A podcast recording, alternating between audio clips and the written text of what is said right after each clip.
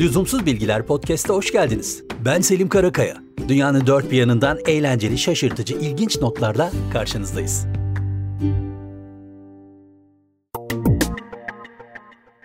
Jack Whittaker 2002 Aralık ayında bir gün arabasına benzin almak ve benzini beklerken de o sırada bir kek yemek için durduğu yerde normalde hiç öyle bir alışkanlığı olmamasına rağmen loto oynuyor.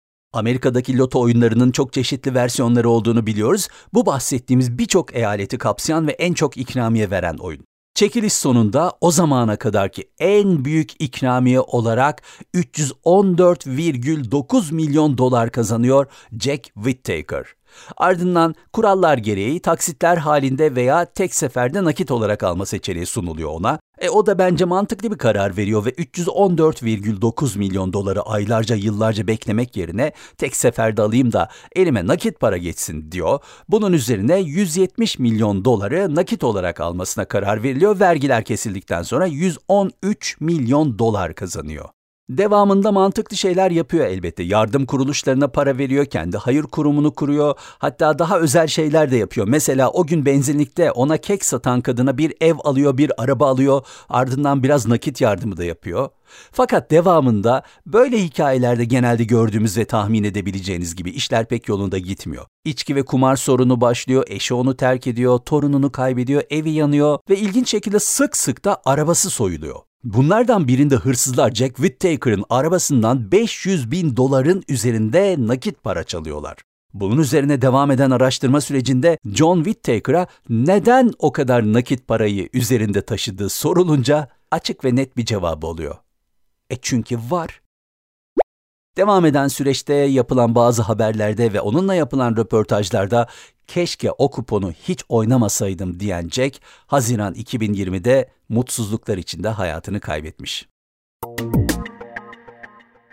Cep telefonu endüstrisinde rekabet gerçekten çok ama çok büyük. Özellikle Apple ve Samsung'un birbirini geçmek için sürekli olarak yeni teknolojiler üzerinde çalıştığını biliyoruz. Teknolojiyi sadece üretmek önemli değil, aynı zamanda uygulamaya da bakmak gerekiyor.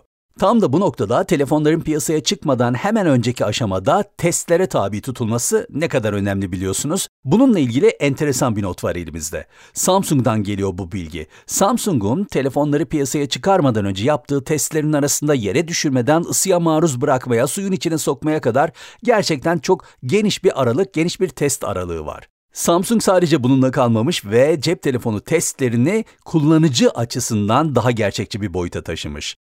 Yaptığı testlerin arasında bir de şu var, telefonun üzerine oturma testi.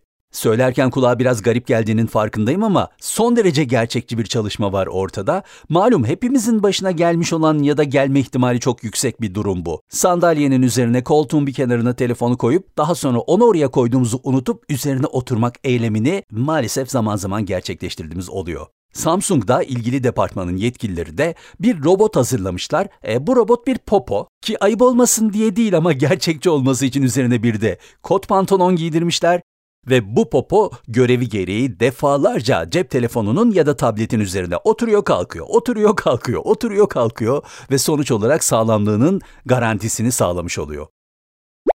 Bu eğlenceli ama garip robotun ya da tam olarak bu testin nasıl gerçekleştirildiğinin bir fotoğrafını görmek isterseniz Lüzumsuz Podcast sosyal medya hesaplarımıza göz atabilirsiniz.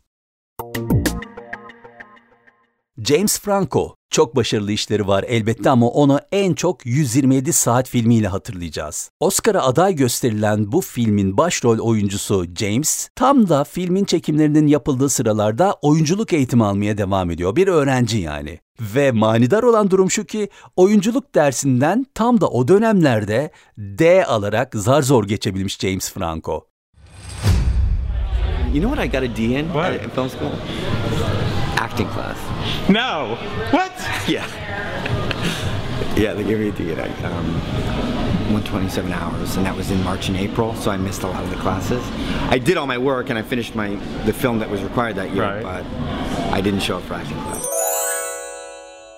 James aslında kendisi bu durumu biraz eğlenceli şekilde anlatıyor. Canının sıkkın olduğu belli ama büyük bir ihtimalle devamsızlık yapmak zorunda kaldığım için böyle bir not almış olabilirim. Aslında ona rağmen ihmal etmemiştim. Üzerime düşenleri çok çok iyi yapmıştım ve çalışmıştım diyor. Ama sanki bir kırgınlık var üzerinde.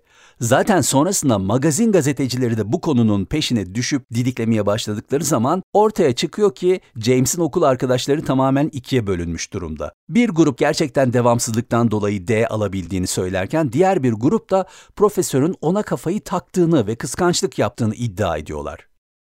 Yalnız mevzunun devamında daha ilginç bir durum var. James'in profesörü James'e D verdiği için okuldan atıldığını iddia etmiş daha sonra. Olaylar olaylar.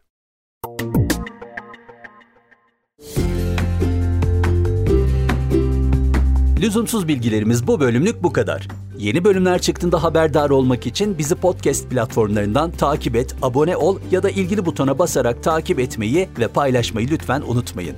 Desteğiniz çok değerli. Ayrıca Instagram ve Twitter'da Lüzumsuz Podcast hesaplarındayız. Şimdilik hoşçakalın.